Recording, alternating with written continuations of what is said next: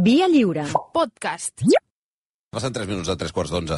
Hola, Malcolm, què tal, bon dia? Què tal, bon Hola, dia. Santi. Què tal, Hi, ha- hi ha gent molt nerviosa, hi ha gent dient, no, aquest no, aquest no. El coneixem personalment. No sé. Mira, fins i tot la Mila, quan he llegit Les Oscures Golondrines, ha dit que, ostres, que no, que no, que no pot ser, eh? Putas golondrines. Quin farsat. És que, és que el, tio, el, tio, el tio era un farsant. Però abans de tot hem de fer una... una A veure, què advertència, passa? Sobretot a la comunitat educativa. Ui, a veure, Primer els mestres. què passa? Eh, clar, els de literatura castellana. Mm. Els de física i química és igual. Deixi, o sigui, tampoc els hi fan ni cap. Eh, que apaguin la ràdio perquè aquí no, ja hi no passarà res, vull dir, no, no, no, no patirem. Però el que sí que hem de fer la, la, la crida és als estudiants Per què? d'ESO, de batxillerat, perquè... Que no ho posin a l'examen, això. Ah, exacte, que ni se'ls hi acudeix. Tot ho que explicarem, no ho poseu a l'examen. No ho poseu a l'examen. Ah. No anirà bé. No, no anirà bé. Serà la veritat, però vosaltres feu la... Allò, digueu el que... El que Mentiu, volen sentir. mentiu. El que volen el, sentir. que volen ja està. sentir. Tu com, a, com davant de la comissaria, davant del, Ara. ju- com davant del jutge. Ara. Ja està. Sí, senyor. Perquè eh, a vegades eh, hi ha aquests estudis que diuen Espanya es llegeix molt poc i, i per què és Ha això? dit, però no, ha dit Hispània? No, Espanya, dic. Espanya. A Hispània? No, Que ara Espanya, diem Hispània. Que pesat sou, de veritat, Eh? és insuportable. el vostre. Ara a partir d'ara diem sempre Hispània. vale. Quan acabis de Salutacions menjar. des d'aquí a la germana Reixac. i tota Hombre! la família. Hombre, molt bé, Xavi, ha quedat tot bé, Aquí, eh? ja tens, ja tens pàrquing per la moto? Que pesat sou, de veritat. Bueno. Doncs, eh? Era un pàrquing, allò. Bueno, és igual. Com, com, com? Què? Era un pàrquing, allò, abans. Sí, clar, ja. Originalment. I abans tot ¿eh? era camp. Jo vols que et digui. Bueno, escolta. Va, Bueno, eh, a Hispània la gent llegeix poc. I segurament un dels culpables és el nostre personatge d'avui. sí o no? Tu creus Clar, que sí, clar. que- perquè des de fa dècades Sí, sí, sí. sí. ocupa lloc preeminent entre les lectures obligatòries pels escolars. Encara ho fan, no, ara? Sí, ho vaig mirar, sí. I clar, si d'entrades et topes amb aquest carallot, aquest cursi, aquest pesat, és normal que després els llibres no els toquis ni amb un pal. Perquè era, a més a més, un impostor com pocs. Un llepaculs, un fatxa, un bau, un plagiador, un maltractador, un putero i una revista. Hosti. Un tipus que venia, que venia a ell la idea de ser el prototip de poeta romàntic, mm. amb tots els ingredients de la salsa que suposa. Enamorat, somiador, angelical, elevat, bohemi, outsider, incomprès... Una, una salsa que realment, profes, de les aules, de les escoles, veneu com certes. Però nosaltres estem aquí per cridar ben fort. Hemos sido engañados. No, fins i tot el màxim expert en el nostre pollastre, que és el filòleg i historiador Joan Estruc Tovella, admet que després de la seva mort, els seus seguidors es van esforçar en complir tots els tòpics del sentimentalisme que ell se n'enfotia. No va ser ni un autor marginal, ni incomprès, ni bohemi. Era un cara dura que mirava de treballar entre poc i res, més fatxa que Don Pelayo, i que era capaç de vendre sa mare per complaure els polítics. Si eren d'ultradreta, millor. Si us venen al cap noms com Eduardo Inda, Antonio Burgos o Jorge Bustos, ja sabeu per on anem. Va. Un funcionari al servei del poder. De fet, una de les seves feines, de les poques que tenia, era censor. Ah, era censor? Sí, sí, No, sí. no ascensor. No, censor. No, ascensor. Censor. No, si fos ascensor, el portaríem aquí, perquè déu nhi Per pujar fins aquí, nen. Però ens el ¿Me venen... lo dices o me lo cuentas? Mare de Déu. Però ens el venen com un rebel. Clar que la imatge d'oficinista avorrit, que és el que era, no encaixa amb l'ideal romàntic. I ja no, por- no parlem de que, clar, el romàntic sortia als bitllets de 100 pessetes. Però, clar, És veritat. clar, Això és molt romàntic, eh? això és molt romàntic. Avui ens venjarem del cunyàs que ens va donar el batxillerat Gustavo Adolfo Claudio Domínguez Bastida, de nom artístic Gustavo Adolfo Becker. In the time of chimpanzees, I was a monkey. Butane in my veins, and mouth to cut the junkie with Ja the comencem malament. O sigui, no es deia Becker. No, no té a veure, que veure. es diu- es- I això per això posem Beck. A més, a més la canció es diu Luces. Ah, sí que és... Oi, oi, oi, sí. Amb A el veure si no hi ha la tornada, no? So Why don't you kill me, no? Home! Bueno, ja ho trobarem. Molt bona. Us interrompré perquè... Aviam. Con- No, encara no, encara no, encara no. Ja arribarà la tornada, Malcom, tira, tira. Xavi, Ah, ¿qué es la radio? Me preguntas mientras clavas en mi pupila tu pupila azul. Error! ¿Qué es la radio?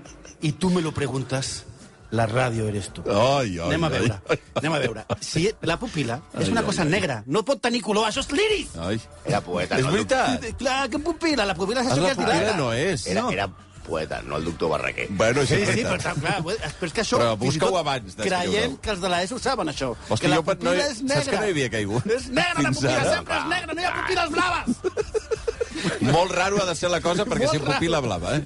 Vale, Tenia vale. un alien de, de nòvia. Bueno, a veure, per I ningú començar... deixa que s'ho con... vuelvan las golondrinas. Poses coses perquè no vinguin i es caiguin. Que volveran... Pinxos, no? No, clar, que no. Pinxos aquests. Quan posin a les golondrines. Que quin fàstic, home. Ai, bueno, a veure, per començar, com, com, deies, com deies tu, Xavi, es deia Gustavo Adolfo Claudio Domínguez Bastida, Mm. però firmava Becker. Per què? Perquè molava més i per fer-se una mica a l'interessant, per molar, no? El cognom li Com ve... Bizarrap. Com, vi- com Bizarrap. El cognom li ve d'uns avantpassats de, seus del segle XVI que van haver de marxar a Alemanya per catòlics i van anar a pa- a parar a Sevilla. La veritat es deien Baker, que en castellà sona molt Bueno, clar, es interessant, pronuncia Becker, Becker. En, en alemany. però que vol dir forner. Ah. O sigui, en espanyol, panadero. Baker. Els avantpassats de Gustavo Adolfo Panadero Clar, Tenir- així no hagués triomfat tant. Així no, no hagués estat tan xulo. Eh? xulo. Tenien molts duros, la veritat, tenien molta pasta i van ser d'uns dels que van pagar la catedral de Sevilla, eh? imagina't. Carai, noi. Els seus descendents, outsider. molt catòlics ells, van ocupar càrrecs en la Santa Inquisició, Ah, que després ell fos censor de novel·les i ja diguem-ne que venia de família. era el negoci familiar. Sí, però eh, els que van venir va ser 300 anys abans de que ell naixés. Mm. Per tant, ell ja no... I quan Gustavo Adolfo va venir al món, la família ja no era tan rica i no podien viure de rendes, que és el que havien fet tota la vida, les, els seus avantpassats. No vivien malament, tampoc, gràcies a la feina del pare, que era un pintor bastant valorat a l'època, que es deia José Domínguez Insausti. Res era Becker. Però que va ser el primer que va firmar Becker per fer-se el xulet. Eh? Ah, ja ho va fer ell, eh? El pare, sí. Ah. sí. Eh, este és un Domínguez Insausti de primera jefe. No, és un Becker, clar, aleshores. I això pujava el preu de les seves obres. Això li va permetre tenir una posició relativament còmoda i tenir vuit fills. Bueno, però la fortuna va durar poc. Als 36 anys, el Domínguez Insausti, quan Gussi tenia... Gussi Adolf tenia només 5 anys, va palmar. La mare va morir, la veritat és que poc després, i els fills es van haver, que es feia molt en aquella època, de repartir-se entre cases de parents. I ell va anar a parar de casa de la seva padrina, una dona que tenia, la veritat, una bona biblioteca, on Gussi Adolf va llegir els clàssics, Horaci, Shakespeare, i els versers de l'època, com Victor Hugo, Walter Scott... Tenia molta Robert gent d'anar-li dient Adolf, eh? No, ah, No és ja exacte. no va- Eh, li va bé, li va bé. Ah, Li va sí? bé. La, a- aquesta gent, Walter Scott, Lord Byron, havien, haurien d'ocupar el, el lloc el- el- a l'escola que, que ocupa Becker, eh? Ah, tu En- canviaries Eh, això. Hombre.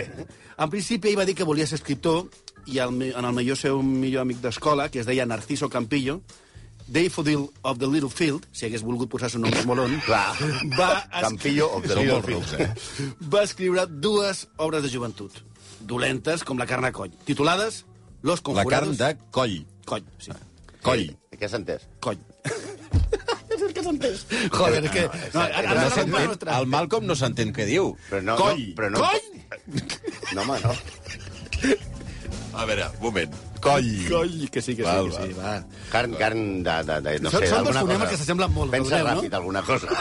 Són dos fonemes que s'assemblen molt, ja sabeu. No com- s'assemblen. No s'assemblen bastant, s'assemblen bastant, ja ho sabeu. Bueno, bueno aquestes obres Acabo de descobrir una impossibilitat de Malcolm. de la, de la carn de coll... Una. Torna-hi. És Però igual, vols dir digues coll? dolentes. Eren està. dolentes, ja Carn està. dolenta. La carn de coll que es deien Los conjurados y el bujarrón en el desierto. No sap dir-ho. Di- Digues, la segona obra no sé. És igual, és igual. Digues, la segona obra es deia El Bujarrón. El... El bujarrón en el desierto. O sigui que podia ser una pel·lícula de Es Sumer. deia així, és molt fort, eh? Sí. Per influència No paterna. tenia coll, eh? Per influència paterna, també va voler ser pintor i es va apuntar a l'Escola de Belles Artes de Sevilla. Però el van votar de seguida i va entrar com a aprenent al taller de pintura del seu oncle Joaquín, que el va calar de seguida. El tolerava, clar, perquè era el seu nebot, Home. però li va dir tu no seràs nunca un buen pintor, seràs un mal literato. Mira, quanta merda ens haguéssim estalviat si el Ministeri d'Educació i els successius plans d'estudi haguessin fet cas a l'oncle i no al nebot. Ara, ara. Sí. Teniu la sort, els oients, de no veure Malcom Otero ballant a Aronchotis. Bueno, ballant. Bueno, fer un moviment molt estrany. Sí, sí. bueno, sabria què dir. Gussi, Gussi, tornem i tornem. Gussi Adolf Jo És la que cara sí, del sí, Santi sí. mirant de reull com dient mare, déu sí. I, i tu diguem que això és ballar. També. He mogut la Ballar, cadira. ballar sentat, bailar sentados no és bailar. Oh, Eh, Què? Eh, Gussi, Gussi Adolf, Mm. no es va desani eh, desanimar per les amables paraules del seu oncle Ho hauria hagut de fer. i li va agafar Ens la hagués maleta estalviat moltes coses, sí. i va anar a Madrid disposat a triomfar al preu que, que fos. Tot i que la impressió que li va causar la capital a un tipus de les seves ínfoles la- diguem-ne que el tio s'agradava molt a si mateix, no van ser massa bones. Madrid, sucio, negro, feo como un esqueleto descarnado. Esqueleto descarnado. A veure, si Ja és és un això. esqueleto, és descarnado, gilipolles. O sea, no, no, no. No, si no, no és un esqueleto. Clar, Tiritando bajo su inmenso sudario de nieve. ves acá. Ya estamos en la corte. He necesitado que me lo digan y me lo repitan cien veces para creerlo. ¿Es esto Madrid? ¿Es este el paraíso que yo soñé en mi aldea? Dios mío, qué desencanto tan horrible. Ei, Ai, ai. per sobreviure a S'estimava Madrid molt, eh? i a su sudario de nieve, que igual estava a Estocolm, perquè... De què parlava? De sudario de nieve? No sé, que no, top. no sé jo. Va De cridar... Què tipus al- de nieve? Va anar, perquè s'avorria, perquè li va semblar molt llest. M'ha dit, va cridar al seu amic Campillo. Mm. Suposo que tots li deien el Campi. Sí. Allà, cap allà va anar a, co- a compartir pis, a, allò, com si fossin plats bruts, amb el gust. Sí. Campi i el gust. Però la cosa no va acabar bé. El Campi va deixar de parlar amb el gust. Gustavo! Sí, clar, eh, devia ser molt com el Joel Joan i l'altre devia ser com el Joel... Clar. El que va acusar, el Campi va dir que es va fartar i va dir que Gus era il·letrat, mancat de cultura, brut, descuidat i amb carència d'estudis. Repeteixo, per què els ministeris d'educació no li van fer cas al tiet? I també al Campi! Sí, bé, ja tot ho assenyalava la mateixa Clar, direcció. però tot i les perspectives nefastes per la seva manca de talent que tots els estudiants hem conegut, però hem hagut de dir que era un geni, el pollastre va aconseguir sobreviure com a literat a Madrid. Pel seu talent, ni de conya. Copiant, descaradament, a més. Todo es un plagio y eso soy yo. Què és això? Tot és un plagio i ese soy aquest, jo. podria, aquest podria ser l'himne del nostre gust. Què dius? Però és un plagiador, Un pla... Ah, plagiador? Pues Home, sí. Mira, és que als inicis del món de les lletres es va dir que a copiar el que ja es posava, diguem-ne, a copiar els millors. La primera obra que va donar cert renom... Si tu vols copiar alguna cosa, pensa alguna cosa... eh, Forta. No, sí, no copis el teu company d'escola. Clar, Copia clar. algú que sigui bo, eh? No, no hi ha res pitjor que una, una còpia d'una cosa dolenta. Clar, Perquè Però tampoc et passis. Bueno, això, clar, això, això podia ser el reggaeton, no? Què va fer? Això, això va ser una versió de Hamlet de Eh? Shakespeare. Va copiar Hamlet? Sí, sí, algun Ah, parell, tio, sí, sí, però- Sí, home, tio, sí. No cal que copiïs Ham. Bussí. Sí, sí. I Bussí, que t'has passat. Després, després va dir, bueno, va adaptar la novel·la de Victor Hugo Notre Dame de París. Ja, dius, no, home, ja que em poso... I la va convertir, eh, el loro, en un llibret de sarsuela titulant-la en dos pebrots Esmeralda. Oh! perquè no es notés. Oh. En plan, aguántame el cubata, com a poeta va triomfar amb El nene, que és un plagi de Outside the Whip, de, Lo- de Lord Byron. I li van estrenar al Sainet les, distrac les distraccions, que era una còpia de Les absències del senyor, una obra francès del, de Fournier i Lovensa. Hosti. Sí, clar, però si ara estigués viu, faria OT amb un altre nom i el mainat s'enfadaria. Ara. Exacte. Aquest sinvergüenza, a més de molta barra, tenia un gran poder de convicció. Per exemple, mai va trepitjar Catalunya, però va composar dues llegendes ambientades a Baivé de Cerdanya. Suposo que li va dius, agradar, ara? perquè mira que hi ha llocs per i Baivé de Cerdanya. Bellver de doncs, Cerdanya. Sí, on encara a Baivé hi ha una placa a una fonda on diuen que es va allotjar, i no va ser-hi mai. I no va anar-hi, eh? No, i el 1868, ja per copiar alguna cosa més, va fer una sarsuela que és calcada a Fígaro. Va, ara que ens posem... Extraordinari. La, eh, ja hem vist que literalment era un desastre. Però aleshores, per què arriba a triomfar? Bueno, clar, aquest és el tema. Doncs perquè era un pilota. I què fa? Es fica en política. La seva ideologia ara encaixaria perfectament per entendre'ns amb Vox. Hosti. Sí, per això, per això, potser per això sortia tant els plans eh, obligatoris d'educació franquista, no? per això era la lectura obligada. Ell era un Volverán protegit... los oscuras águilas. Ah, Ell era un protegit d'un personatge molt poderós i nefast que es deia Luis González Bravo, que va ser dos cops pre- president del govern i ministre de, de la governació diverses vegades. L'obra política de González Bravo destaca per ser la que va iniciar el, eh, pel, pel que va ser les que va iniciar els tràmits de la Fundació de la Guàrdia Civil i de la Sort Benemèrita. com has fet, ara. I per, Al Madrid. I per ser, això és més greu encara, per ser el responsable polític de la Noche de San Daniel o la Noche del Matadero, on la Guàrdia Civil, la Infanteria, la Cavalleria de l'Exèrcit van reprimir una protesta d'estudiants madrilenys i van morir 14 persones i gairebé 200, 193, van quedar seriosament ferides. sí, aquest tipus, el González Bravo, va ser el que va patrocinar la carrera de Becker. Mm Mhm. -hmm. Però no era, per tant, de poeta romàntic, alternatiu, res de res. No, tenia un I a sponsor. més, a més, ell, González Brau, li encarregava a gust articles contra els seus enemics polítics que el poeta de les putes golondrines Torne. feia de bona gana perquè González Brau li donava la pagueta, la pagueta. Ja, ja, ja. Li va muntar una revista que es deia, atenció, no sé si l'heu llegit, l'Espanya Musical i Literària. Va durar un any. Vaja. No passa res. Després que trenqués, va col·locar-lo com a funcionari de la Direcció de Bienes Nacionales. I el van fotre fora, tot i venir recomandat, perquè no fotia un pal a l'aigua. Imagina't. Imagineu el que devia Van fotre el fotre fora tio. funcionari. Que et fotin fora funcionari que t'acaba de posar el ministre de Governació. Dius que, tio, que no s'hi ve per anar. Però la veritat, la veritat, ja ho tenia, ell ho tenia tot coll avall i ja no, ja, ja no va passar res. Perquè González Bravo, amb el marquès de Salamanca, van muntar un diari, El Contemporáneo, i allà, Una que mania d'anar muntant diaris, eh? Sí, sí. D'aquesta època. van, i va anar, allà va anar al nostre gust per escriure en pseudònim una columna que duia per nom, duia per nom Cartes semipolítiques. Mm. Què feia allà? Criticava la Unió Liberal i especialment Leopoldo O'Donnell, que té un carrer a Madrid, el màxim oponent de González Bravo. Sí, O'Donnell estava casat amb Manuela Vergés. I Becker va ser l'instigador del bulo de que O'Donnell era un calçasses i la que manava realment a Espanya al Consell de Ministres era la seva dona. Amb aquest fi, el poeta de les putes golondrines va editar un libel titulat Doña Manuela, periódico político, que per enfotre's en O'Donnell, on a la portada sortia una caricatura de la dona d'O'Donnell- d'O'Donnell donant ordres als ministres. Quan va aconseguir fer caure O'Donnell i González Bravo va tornar al poder, es van recordar del seu Doberman i li va donar carguito. Ah, sí? Sí, González Bravo va nomenar Becker, ja sabeu, el famós poeta romàntic de lectura obligada, censor de novel·les, de novel·les, A- Aquest és el càrrec que li dona quan Sí, entra sí. al govern González Bravo. eh? amb un sou de 24.000 reals a l'any, que no sabem quan és, però era bastant. Una pràctica de clara prevaricació, perquè segons la llei d'aquell moment, Sí. el censor de novel·les havia de ser advocat, Oh! cosa que ell no decisió- era. Oh, càrrec ha dit, eh? Sí, sí, sí. A més, Becker treballava en altre diari del Partit Moderat, Los Tiempos, des on, des, i des d'allà defensava a González Bravo per la seva Se actuació van a la copiar fins noche i de tot el nom del Matadero. diari. Va sortir de Times i van posar Los Tiempos. Tiempos. La, la premsa progressista de l'època va publicar i provar que el Ministeri de la Governació pagava els redactors del diari amb diners públics Això no ha passat mai més, eh? Brutal. i que per fer columnes i, i, i pagava per fer columnes defensant a González Bravo. Gus cobrava 35.000 reals anuals. Què? Seguim, seguim estudiant aquest Però paper? no se molt vayan. fort, eh? No se vayan todavía, Coremas. Gràcies al seu protector, al González Brau, Becker va muntar una mena d'enciclopèdia per fascicles que es deia Història de los Templos d'Espanya. Perdona, el guió havia dit enciclopèdia per fascistes. Sí. Està bé, eh? Que va comptar amb subscripcions públiques. Les va com... Això tampoc ha passat mai més, eh? Que les subscripcions a certs mitjans les comprés a l'Estat. No! Començat per la pròpia reina Isabel II.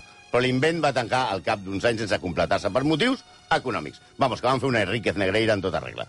I a més, quan González Bravo va sortir del govern, Becker va ser acomiadat com a censor, clar.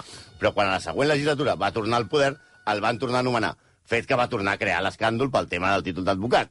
González Bravo va sortir a defensar-lo dient que no era necessari el títol, sinó que només que el censor fos una persona de, obro cita, nòria idoneïtat. No va colar. González Bravo aleshores va dir que el censor d'impremta, de premsa, sí que havia de ser advocat, però el de novel·les i teatres, no. Ah, un sí, l'altre no. Però tampoc Bueno. va colar. I finalment van aconseguir fer un birli birloque i va aconseguir quedar-se amb el lloc perquè deien és que ha recuperat el seu lloc i ha de tornar on estava, perquè ve de la legislatura anterior. De propina, per si faltava alguna cosa, el van nomenar també jurat de la secció de pintures de la Exposició Nacional de Belles Artes i el van fer director de la Il·lustració de Madrid, un diari que rebia 12.000 reals de subvenció en concepte de protegir l'art del dibuix i el gravat espanyol. I aquest trincón és de lectura obligatòria. Sí, brutal. Picava de tot arreu, eh? Sí, sí. Quan, eh, quan es va veure venir la revolució del, del 68, del 1868, Becker va dimitir com a censor. No fos Carito Kerr. Clar, va dir, jo- "Ai, ai, jo no entra, eh? Jo- Censor de què? Censor. No. González Bravo es va exiliar a París, on Becker el van anar a veure un, un temps, eh, el temps que es publica un llibre d'il·lustracions pornogràfiques contra la reina Isabel II, titulat Los Borbones en pelota, Què? sí. en el que es podia veure a la primera de les No, a veure espanyoles... si penseu, a veure si penseu que del Froilán i el de Mérito... Be, be, be, la, se... No, però això que Era és, família. és, és el jueves, això, no? Una mica? Jo et veia que a la- a la primera de les espanyoles en orgies, fent coses que es fan a les orgies, no sé què no he estat mai. Tradicionalment, l'obra s'atribueix a el nostre gust i al seu germà Valeriano, una perla del que parlarem ara. Però els especialistes no s'acaben de posar d'acord en si està prou documentat que fos eh, el nostre gust qui va fer aquesta, a- a- aquesta revista. Had unprotected sex, baby, let's test for syphilis. If you find it was an Eh? Què diu la cançó? Sífilis. la- la sífilis song. Oh my God, sífilis. come into our clinic and we'll put you square. Get yourself to step Bueno, Hi ha cançons per tot, Ah, eh? Eh? Estimats, estimats escolars que esteu i estudiants, Ai. sabeu que en els llibres de text i els profes us venen a Becker com el poeta de l'amor. Sí. Poseu-ho a l'examen, això no passa res. eh? Però la veritat és una altra que està més a prop de la cançó de la sífilis que la cursilada aquesta. Què és, què és poesia? Dices mentre claves la pupila. No sé, eh? Què és poesia? Poesia eres tu. I tu, Becker, un putero. Què és un putero? eres tu. Becker es va casar amb Casta Esteban Navarro. M'encanta aquest nom. Com Casta. et dius? Casta. Que està Esteban Navarro. Sí, però clar, això vol dir venia d'aquesta edat, però ara sembla com de Podemos, no? Tu que ets Casta. A, a la que va conèixer a casa del seu pare, el que el poeta de- d'amor elevat acostumava a visitar. El pare de Casta, Francisco Esteban Ayllón, era un cirurgià sagnador que consta que aplicava un nou mètode aleshores per lluitar contra la sífilis, una malaltia bastant recurrent al de les golondrines, eh? O sigui, tenia sífilis bastant, bastant sovint. Que amb el seu germà Valeriano eh, sembla que es coneixien tots els bordells de Madrid. Joder. Tot i així que que el metge curés la sífilis diverses vegades a, a Becker, no va posar cap inconvenient quan Becker li va demanar la mà de la seva filla. Ah. ja 17 anys. Això, això és raro, no? Sí. 17 Oh, anys, eh? 17 anys, sí. Ell tenia 28. S'ha de dir que el doctor Esteban tampoc tenia massa escrúpols. A part de curar la sífilis, també venia un crecepelo de la seva invenció. Imagina. I poc després de la boda, perseguit per Hisenda i altres acreedors, va tancar la consulta i va tornar al seu poble, a Novierques, Sòria. Sí, la pobra Casta, eh, amb 17 anys, recordem, de seguida va veure que el poeta d'amor en veritat era més fals que el seu pare. Però el poeta de seguida li va fer dos criatures i de seguida ja no li feia ni cas. Ella, encara enamorada per culpa d'aquesta idea absurda de l'amor romàntic, va mirar de reconquerir el seu marit fent-lo posar gelós. Això ja diem, com, com a mesura general, no funciona. No Ja, funciona. ja, no funciona mai. Adolescents, de l'ESO, que això... No I, ho feu. i, I menys eh, a, a, a, a, a certes èpoques. Sí, aleshores, a Novierques, el poble on vivia... Hi havia un noi que vivia, que havia festejat amb ella quan eren nens, que es deia Hilarion Borovia. Molt. Però aquest tothom coneixia com el Rubio. Suposem sí. que era perquè era rosa. Sí, no, Quan i per, estava- o per no dir-li la- per- o per no dir-li l'Arion. quan estaven al poble es feien miradetes i es posaven ullets. Ai, Res més, que això, eh? monos. per, per posar, però per posar gelós, no, no és que es deguis... Pensem que no hi havia Instagram ni... Sí. No, clar, eh, no. molt difícil, això, Però no, ja. que fe, no és que es fessin tocaments sota la taula, eh? Eh. Res més. Això, que el cursi va definir com un diálogo mudo de amor, que cuando me lo contaron siente el frío de hoja de acero en las entrañas, el va fer enfadar molt i va retar a duel al Rubio. Oh, Abans es veu que eh, va pagar una mica la seva dona, un- la va colpejar una, mi- una miqueta, ja comencem. que a més estava embarassada de, de, de 5 mesos, i es van dur els nens i va marxar del poble. Sí, la decisió de marxar del poble és meitat presa pel despit i meitat per supervivència, perquè es rumorejava que los mozos amigos del Rubio i l'Arion Home. anaven a buscar-lo per matar-lo. És a dir, ja, ja no vierques deuen ser bastant brutos. És a dir, que el poeta de l'amor i les putes golondrines que sortia amb els amigotes a putes i dedicava poemes a desconegudes no tolerava que la seva dona posés ullets al seu antic nòvio. A més, des del principi, Casta i Valeriano eh, que era el germà d'August, no van congeniar. Valeriano creia que la seva cunyada era poca cosa per Gus, pel poeta, i li reprovava que la seva dona no tocava el piano, ni l'acompanyava a salons literaris, no es cuidava prou i no era prou sofisticada. Vaja. Clar, ella li havien fet dos fills en un any. O sigui, clar, tampoc podia anar a fer aquestes coses. I cuidava els nens petits mentre mirava de treure endavant l'economia familiar que August despilfarrava per les tasques i bordells de Madrid. Té una gran, fase, una gran frase casta que diu, que hauria de ser sí de lectura obligatòria, que diu En esta casa hay mucha pluma para escribir, pero poco pollo que cocinar. La, la frase bona era la dona. Era la dona. brillantíssima frase. La veritat és que es van separar de mutu acord i quan Becker va morir als 36 anys, només 36 anys, o sigui, vull dir, quina edat tens tu, Xavi, ara? No cal dir-ho. Dona Més- pul... Soc més gran que Becker.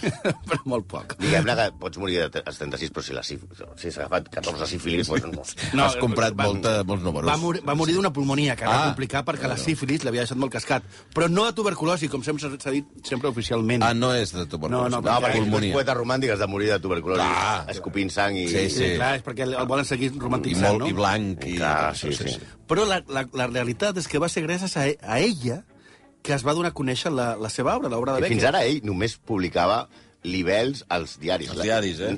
Les obres no es publicaven, es va Per què? es va publicar després de mort. Ah. Clar, perquè ella tenia, tenia els, el, el, el, els seus fills i ne- necessitava eh, alimentar-los. Un- un ingrés. Clar, i va recollir els poemes i les rimes i llegendes A ver, lo que ha dejado este. i amb, ri- i amb la- i amb l'ajuda de col·legues i tenim en compte que no hi ha res més prestigiós que la mort. Ah, això sí. Eh, I els col·legues de Farra, el seu marit, doncs, van, es van publicar i ara per això la, ens Mira. passem tot això en patates. Si això va servir perquè la pobra casta, que va viure un calvari amb aquest desgraciat, sobrevisqués decentment, que no va passar perquè va acabar morint sola en un hospital, Hosti. encara tindria un passe. Però que potser és que s- el que s'hauria de revisar és que a les, esco a les escoles és el llibre que va escriure Casta, que es titula, el títol no és molt encertat, diguem-ne, és una mica llarg, Mi primer ensayo, colección de cuentos con pretensiones de artículos, però que és indubtablement molt millor que la merda que va escriure el seu marit. Tot i, I és tot un manifest feminista d'aquella època. Mira, decía, de, ella escribe cosas como... eh, el hombre nos brinda su veneno en copa de oro y una vez bebido sus resultados son inevitables. Después de satisfecho su apetito, nos arroja de su lado llamándonos sexo débil y cabeza sin sentido. El hombre empieza por besar nuestras plantas para más tarde convertirse en nuestro señor, no en nuestro amigo. Un perla que le va a dar una, una gran vida a la pobre casa. Eh, ella és genial, eh? Havíem Oh, de recuperar és a editors del brillantíssima, món. ella. Ja podeu recuperar aquesta senyora. Com es diu? eh, Casta? Casta. Sí, Casta Fernández. Mm. Però, amics estudiants, quan us el posin a l'examen, que us el posaran, digueu les mateixes ximpleries que tots els que hem estudiat portem posant des de fot dècades. És que és molt fort. Què és el poeta? El Vosaltres amor, també? El... Sí. Home, clar. Us va tocar, Becker, eh? Sí, home, i, No, no, perquè a i mi aprendre's també. el de memòria, sí, sí. Clar, era un mitja merda, però això no ho podeu posar. I un cop aprovat l'examen, fugiu, com les putes golondrines. eh? Simbolver. Sin volver, y en el arpa del ángulo oscuro de... Jo només preguntaria, què és el Hispània? Me preguntes, bla, bla, bla. En l'Hispània no hi aniràs. Pràcticament un quart de dotze del matí. Gràcies, Malcolm. Gràcies, Santi. Gràcies. A Ah, vosaltres. viendra me voir pendu, sauf les aveugles, bien entendu.